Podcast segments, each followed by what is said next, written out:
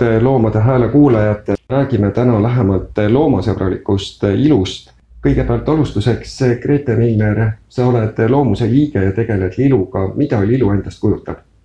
tere, lilu näol on tegemist Loomuse uue töörühmaga, mille siis eesmärk on kaardistada loomasõbralikku ilu, tuua välja teieni kõik loomsed koostisosad, olla üleüldine teejuht et äh, loomasõbralikus ilus paremini siis orienteeruda. ja meil on ka teine külaline siin täna, Maris Milner. Rääkige kõigepealt tutvustuseks, millega te tegelete, te olete siin sellise keemia alal väga tugev asjatundja. tere, mina olen siis Maris ja töötan sellises firmas nagu Chemi-Pharm Chemi-Pharm on äh, eestimaine firma ja loodud aastal kaks tuhat. Ja meie põhiline tegevusala on muidugi eh, desinfektandid ja, ja puhastusvahendid eh, haiglatele ja, ja muudele eluvaldkondadele, kuid eh, kaks tuhat viisteist alustasime ka uue sellise kosmeetikasarjaga D-Difference. alguses oli ta nimi küll Domina Elegance, kuid nime sai muudetud ja, ja nüüd on siis kõik tooted müügil D-differentsi nime all. püüame ka oma toodetes kasutada mitteloomseid koostisosi, nii et enamus meie tooted on kõik vegan tooted ja kui me läheme nüüd selle temaatikaga edasi, siis praegusel ajal on väga populaarseks osutunud desovahendid. kas ka nendes kasutatakse loomseid tooteid? ei, desovahendites loomseid tooteid ei kasutata. Nende eesmärk on ju eh, mikroobide tapmine põhiline koostisosa on seal alkohol. aga kuna alkohol teatavasti kuivatab käsi ja, ja mm, eriti meditsiinitöötajad peavad eh, seda ikkagi väga palju kordi päevas kasutama, siis tavaliselt lisatakse nendele desoainetele ka selliseid eh, nahka hoidvaid ja pehmendavaid komponente aga need on kõik siis kas taimsed või siis sünteetilised, nii et loomseid koostisosi ei kasutata. miks üldse kasutatakse jätkuvalt kosmeetikas loomseid koostisosi ja kas te arvate, et see muutub tulevikus? no miks kasutatakse, tähendab kosmeetika on tegelikult juba ju väga-väga vanast ajast naised kasutavad oma ilurituaalides ja, ja eks vanasti, kui teadus ei olnud nii palju arenenud, siis oli nagu lihtsam oli saada siis neid koostisosi, mis siis noh, on nii-öelda nagu aktiivained ja, ja niisutavad ja pehmendavad ja kõik eh, loomadest, kuid eh, teaduse arenedes ja, ja ka siin tarbijate nagu teadlikkuse kasvades on siis eh, järjest rohkem siis vahetatakse need loomsed koostisosad taimsete või siis sünteetilise vastu välja. Tulevikus loomulikult ma arvan, et lõpuks need loomsed koostisosad kaovad kosmeetikast, sest me liigume ikkagi järjest rohkem nagu vegan ja, ja loodusliku kosmeetika poole. kui siin selle teemaga jätkata, siis tegelikult ongi loomuse grupp Lilu teinud sellist uurimistööd loomsete koostisosade kohta kosmeetikas ja leidnud, et hästi paljud sellised traditsioonilised loomsed päritolud koostisosad nagu skvalaan ja hüaluroonhape ja isegi siidi ja keret-, tiini toodetakse nüüd hoopis laboris, et miks see nii on ja kuidas mina kui tarbija tean, et kas see koostisosa on saadud loomadelt või mitte? No vot, siin ongi see, et, et see on ikkagi tarbija surve tootjatele ja samuti siis nagu ma eelnevalt ütlesingi, maailmavaate muutumine, et, et järjest rohkem suundutakse selle loodusliku kosmeetika poole ja, ja ka siin on nagu noh, loomakaitsjad on väga suurt tööd teinud, et kuna enamus või, või kõiki selliseid aktiivaineid on võimalik toota ka siis kas taimsetest komponentidest või sünteesida laboris, siis lihtsalt ei ole enam vajalik nagu kasutada loomseid komponente. aga nüüd, kuidasmoodi tarbija seda teada saab, kas seesama mingi komponent on nüüd taimsel või, või äh, loomsel moel või, või sünteetilisel moel toodetud, tegelikult ega ei saagi. sellepärast, et äh, kui me võtame tõesti kasvõi see skvalaan, mida võib toota nii loomsetest komponentidest, haimaksast, aga samas ka taim, on olemas taimne skvalaan. ja ega see nagu äh, toote koostisest välja ei tule. kui inimene tunneb huvi, siis ta peab seda lihtsalt küsima tootjalt kui ikkagi äh, tootjad kasutavad taimseid koostisosi, mitte loomseid, siis viimasel ajal ka see märgitakse ära, et, et toode on vegan. Grete, sa soovid lisada? jah, tahtsingi lõppu siia lisada, et, et kindlasti saab märgistuse järgi leida, aga kas, mis sina arvad, et kas hinna järgi on ka võimalik vahet teha, et kas nende loomsete komponentidega tooted on kallimad või ei pruugi alati olla? Ei pruugi, hinna järgi seda vahet ei tee, sellepärast et, toote hind sõltub ka paljudest muudest komponentidest ja mitte ainult nüüd sellest, kas lisatud aktiivaine või komponent on taimne või loomne. nii et siin on ikkagi tõesti, et vaadata märgistust või kui ikkagi tekib kahtlus, siis võtta tootjaga ühendust ja, ja küsida otse tootjalt kas on olemas ka mõned sellised koostisosad või tooted, mida soovitaksite kõigil kasutada, olenemata nahatüübist või vanusest? jaa, tähendab, mis üldse on nagu nende kreemide kõige suurem positiivne tulemus või miks kasutada, tähendab, põhiline on nahaniisutus. kui nahk on niisutatud ja pehme, siis ei teki ka seda vananemist ja kortse nii palju. ja, ja äh, näiteks seesama see hüaluroonappe, see on üks selline meganiisutaja, mis sobib igas vanuses inimestele kasutamiseks, nii et kui kreemis on hüaluroonappe, siis see on üks väga-väga hea asi. Äh, siis samuti niatsinamiid, teise nimega siis see on B3 vitamiin ja see siis aitab ehitada naharakke ja, ja samas ka kaitseb äh, väga hästi nagu keskkonnast tulenevate nende halbade mõjude eest, et kuna praegult on saaste on väga kõrge, siis ta kaitseb nagu nahka nende saasteainete eest, päikesevalguse, UV-kiirguse eest ja ta on samas ka aknevastane, kui inimestel on aknega probleeme, siis kindlasti kasutada selliseid äh, tooteid, kus on sees niatsinamiid. no siis on muidugi õlid, baasõlid, mis on väga sellised toitvad ja niisutavad ja, ja vitamiinide rikkad. jojobaõli, viinamarjaseemneõli, argaaniaõli ja muidugi kõige parema tulemuse annab see, kui need õlid panna, kasutatakse külmpressitud õlisid, et siis on kõik need vitamiinid, mis nendes õlides on, et, et need äh, säilivad. ja see annab siis toodetele ka lisaväärtust. ja nende külmpressitud õlidega, et, et toiduainetes on ka täpselt samamoodi, et, et äh, vitamiinid jäävad alles, kui kasutada külmpressitud õli, aga ma tahtsin küsida minuni on jõudnud viimasel ajal kuidagi selle kosmeetika teemaga rohkem tegeledes mesi ja, ja mesilassaadused, et need ei ole vegan, aga kui tihti nagu või noh, kas võidaks panna, ma ei tea, õlide või millegi asemel mett ka sinna kreemide või, või noh, mis iganes seerumite koostisosadesse, et kas, kas seda nagu tuleks otsida sealt koostisest?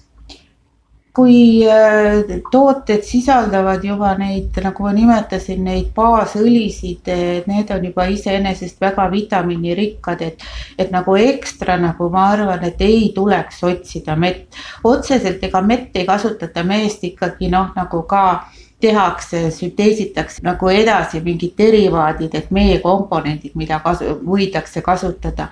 aga kui juba need sellised põhi head õlid on tootes, et see on täiesti piisav. räägime lähemalt sellest, mis vahet on puhtal kosmeetikal ja looduskosmeetikal ja kas üks on millegi poolest parem ka kui teine? ja see on nüüd selline tänapäevane ja, ja väga selline in teema, inglise keeles on siis nagu nimetatakse seda clean beauty'ks see siis nagu läheb nagu järjest rohkem nagu läheb nii-öelda moodi tegelikult tuleb nüüd äh, teha siis vahet, et seesama, see puhas kosmeetika e, e, sinna ei saa kirjutada võrdusmärki selle looduskosmeetikaga. ja kuigi noh, tihtipeale ka kasutatakse neid niimoodi eh, nagu võrdusmärgina, aga tegelikult see ei ole õige ja see tuleneb ka sellest, et tegelikult ei ole praegult nagu sellist ühtset regulatsiooni, et, et mida nimetatakse üheks ja mida nimetatakse teiseks. aga kui me räägime nüüd looduslikust kosmeetikast, siis eh, see tähendab seda, et toodetes kasutatakse just nagu neid, just koostisosades kasutatakse puhtaid loodusest saadud koostisosi. noh, siin mingid äh, taimeekstraktid ja, ja, ja nii edasi. aga kui me nüüd räägime puhtast ehk clean beauty kosmeetikast, koostisosadest, siis need võivad olla nii looduslikud kui ka sünteetilised. aga põhiline on see, et nende kõikide kasutamine peab olema ohutu ja, ja äh, selle puhta kosmeetika kui me vaatame siis koostist, siis on seal ka võimalikult vähe kasutatakse igasuguseid selliseid lisa- ja täiteaineid. Need kreemid koosnevadki põhiliselt just sellistest nendest aktiivainetest, mis nagu konkreetselt on nahale vajalikud. aga siin mingid noh, pH regulaatorid, puhvrid ja nii edasi, emulgaatorid, paksendajad, need on nagu kreemi täiteained et need nagu tegelikult mitte midagi meie nahale ei anna. ja, ja just selles clean beauty kosmeetikas siis äh, välditakse neid ja kasutatakse võimalikult vähe.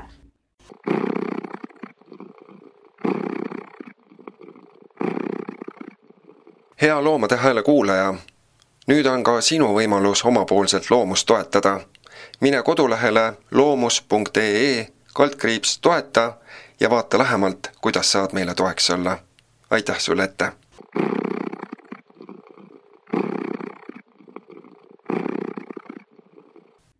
aga looduskosmeetikas siis, kui kasutatakse looduslikke mm, koostisosi, siis seal võib olla ka loomseid koostisosi, sest et need on ka looduslikud. ja, ja, ja tegelikult on niimoodi, et, et kui me räägime, et nüüd see puhas kosmeetika, see on tõesti see esimene asi on see, et ta peab olema meile ohutu kasutamiseks. aga kui me räägime looduskosmeetikast, siis seal ei pruugi need koostisosad äh, olla kõik väga-väga sellised äh, ohutud, kui me räägime näiteks eeterlikest õlidest, eks ole, mis on tegelikult, äh, võivad väga tugevat allergiat tekitada. aga samas ta on looduslik ja tegelikult on olemas veel üks mõiste, on orgaaniline. aga see, ja see nüüd tähendab see, et need koostisosad on nagu kasvatatud juba niimoodi puhtalt ilma väetisteta. ja, ja noh, see on nagu omaette, et, et orgaaniline kosmeetika tähendab nagu kolm mõistet on, siis on see clean beauty ehk puhas kosmeetika, siis on looduslik kosmeetika ja orgaaniline kosmeetika aga selles orgaanilises kosmeetikas siis täpselt samamoodi, et seal võidakse kasutada ka loomseid, et äh, mingisugust äh, piimavalku näiteks lehma käest, kes on orgaaniliselt kasvatatud. Ähm, mis veel, mesilasi vist ei saa sundida orgaanilist no. Äh, mett korjama no tegelikult on isegi olemas minu meelest ka orgaaniline mesi, et kui on ikkagi teatud äh, noh, eks mesilane ka ju, tal on ikkagi oma teatud piirkond, kus ta seda mett korjab ja, ja kui mesinikul on need põllud on orgaaniliselt kasvatatud, orgaanil ilma väetisteta kasvatatud need taimed, siis võib ka mesi olla orgaaniline, jah. Ja minu point oligi nagu see küsida, et, et kui on orgaaniline või öko, et, et siis äh, see jälle ei võrdu vegan ja see ei pruugi ka äh, siis äh, puhas kosmeetika võrduda. just aga jätkame teemaga ja uurin seda, et milliseid koostisosasid võiksid inimesed kindlasti kosmeetikas vältida. sellised koostisosad nagu mineraalõlid, sulfaadid, parfüümid, parabeenid, silikoonid, kas need on tõesti kahjulikud? jah, sa nimetasid juba need koostisosad ära, mida tõesti võiks vältida. et kui me räägime nüüd mineraalõlidest, silikoonidest, kui neid kasutada pidevalt, siis nad ummistavad poore ja, ja nahk ei saa enam hingata, et see on nagu põhiline kahjulikkus, siis kui me räägime sulfaatidest, siin on just niisugused seebitoorained, põhiliselt äh, naatriumlaurüüleetersulfaat ja, ja need on nahka kuivatavad.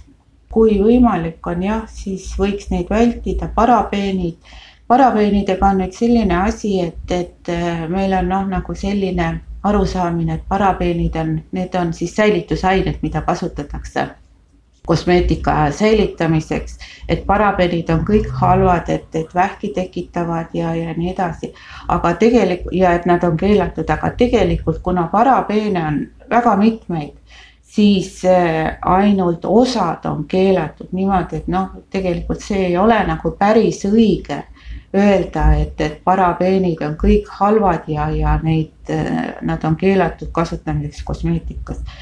kosmeetikamääruses on kohe selline nagu lisa, kus on siis kirjas kõik nagu need säilitusained, et, et mida võib kasutada kosmeetikatoodetes ja ka siis need kontsentratsioonid, et mis kontsentratsioonides võib neid kasutada ja, ja seal on ka osad parabeenid on täiesti olemas mis vahet on nüüd tavalisel poekosmeetikal ja kallima hinnaga kosmeetikal? seal on põhiline ikkagi aktiivainete vahe ja, ja kui me räägime nüüd tavahinnaga kosmeetikast, siis äh, võib-olla need on lihtsalt sellised lihtsamad äh, niisutavad, võib-olla toitvad kreemid, kuhu ei ole nagu lisatud spetsiaalselt aktiivaineid, mis on siis kas kortsude vastased või, või, või siis äh, tõesti aknevastased ja nii edasi. et see vahe tuleb just sellest koostisest, et, et, et kas ta on nüüd suunatud mingi noh, tõesti, kui on vananemisvastane või, või mingi silmakortsude eemaldamiseks, siis kindlasti on need tooted kallimad äh, kui siis tavalised sellised äh, universaalsed niisutavad kreemid. aga see muidugi oleneb ka sellest, ka neid aktiivaineid on äh, väga mitmesuguseid ja, ja oleneb kui tõhusaid keegi kasutab, eks mida tõhusam, seda kallim. kui nüüd kosmeetikast veel räägime, siis äh, üsna levinud on see teadmine, et äh, kosmeetikat testitakse loomade peal. kas seda tehakse Euroopas ka praegu? ei, Euroopa Liidus on alates äh, kaks tuhat kolmteist aastast keelatud nii testimine kui ka selliste toodete müük mis on loomade peal testitud, nii et see on kohe selle jälle mm, kosmeetikamäärusega, seal on kirjas, et selliseid tooteid müüa ei tohi. aga siiski kuidagi peab, on ju testima neid.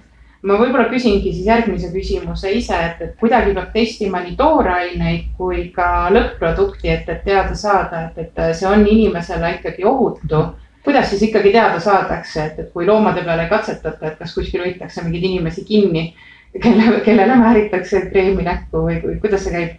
kui me räägime nüüd toorainetest, siis kasutatakse väga palju selliseid alternatiivseid meetodeid, mis annab ka nagu sellesama tulemuse. kui me just noh, siin testime mingit kas ärritavust või siis nagu selle UV kiirguse mõju. et näiteks laboritingimustes on siis välja töötatud selline nagu kunstlik nahk, see jäljendab nagu inimese eh, reaktsioone. kui me määrime tooteid peale, et, kas inimesele võib see toode mõjuda, samamoodi seda nahakoostist laboritingimustes, toodet nahakoostist saab muuta, et jäljendada erinevaid nahatüüpe ja vanuseid ja samuti näiteks saab lisada sinna nahale mingit seda melamiini, et näha, kuidasmoodi siis see UV kiirgus mõjub.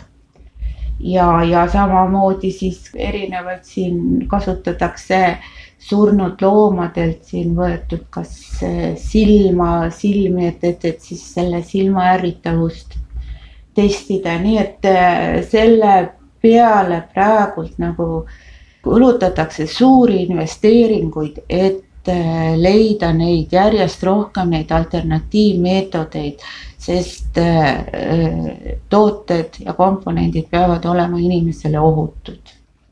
Ja no tegelikult ikkagi testitakse lõpp-produkti inimese peal ka, et, et ma olen isegi teie testrühmas olnud, et kuidas see sobib ja, ja erinevaid nahatüüpe siis jah ja ma praegult nagu rääkisin just nendest komponentidest, aga, aga kui me räägime nüüd lõpptoote testimisest, siis ongi niimoodi tegelikult, et eh, enne kui toode jõuab turule, siis peab olema kindel, et ta on inimesele ohutu. ja, ja selleks kõikidele toodetele tuleb lasta teha ohutushinnang, see on nagu üks toote juurde kuuluv osa, et tootel peab olema ohutushinnang ja seda siis tehakse siis nende, just nende komponentide alusel ja, ja võetakse kirjandusest või noh, nagu ja, ja tähendab, ongi niimoodi, et tegelikult need toorainega tehtud äh, katsetused, need peavad olema avalikud. et neid saaks nagu, et ei peaks nagu järjest neid testima, eks ole, kümneid kordi, et need oleks avalikud, et vajadusel neid kasutada. Ja neid kasutataksegi ka siis ohutus, toote ohutushinnangu tegemisel. Et üks asi on siis see toote ohutus, need, et need komponendid on kõik ohutud, aga kui me räägime nüüd äh, lõpp-produktist, sellest tootest endast, siis seal on ka äh, oma testid, mida tehakse, näiteks väga oluline on toote säilivus me ei taha keegi, et me määrime omale näo peale kreemi, millest kasvavad mingid bakterid sees. et äh, testitakse seda mikrobioloogiat, kuidas see toode säilib. sellel on ka oma meetodid, et nagu külvatakse sellesse kreemi nagu mitmekordselt nagu mingeid neid baktereid. ja, ja siis vaadatakse ajas, kas see konservant, säilitusaine, mis seal sees on, kas see suudab need bakterid seal tootes ära tappa, et järelikult siis ka noh, tavatingimustes need bakterid seal kasvama ei hakka siis kindlasti toote stabiilsus, et see kreemid ei hakkaks seal kihistuma, ei tekiks seal äh, mingeid erinevaid kihte. tähendab, lõpptoodetega tehakse inimkatseid, see on siis noh, dermatoloogilised katsetused, et määratakse siis naha ärritavust, et kas ta ärritab nahka dermatoloogiat, kas ta mingeid allergiaid ei tekita. samuti siis ka sellised funktsionaalsed testid, et noh, et, et kuidasmoodi ta siis tõesti see nahka niisutab, kui sügavalt ta niisutab, kui hästi ta niisutab ja nii edasi kas on võimalik leida ka selliseid tooteid, mida pole kunagi ega kuskil katsetatud?